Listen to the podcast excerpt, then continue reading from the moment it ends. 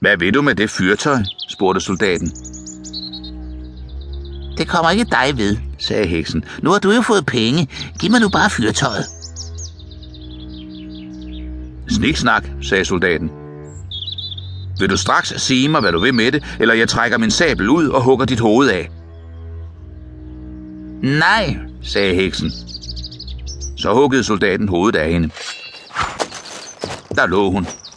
Men han bandt alle sine penge ind i hendes forklæde, tog det som en bylt på ryggen, puttede fyrtøjet i lommen og gik lige ind til byen.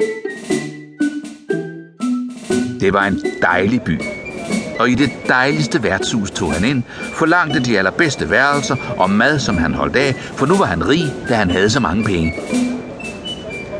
Tjeneren, som skulle pusse hans støvler, synes rigtig nok, det var nogle løjerlige gamle støvler, sådan en rig herre havde, men han havde endnu ikke købt sig nye. Næste dag fik han støvler at gå med og klæder, som var pæne.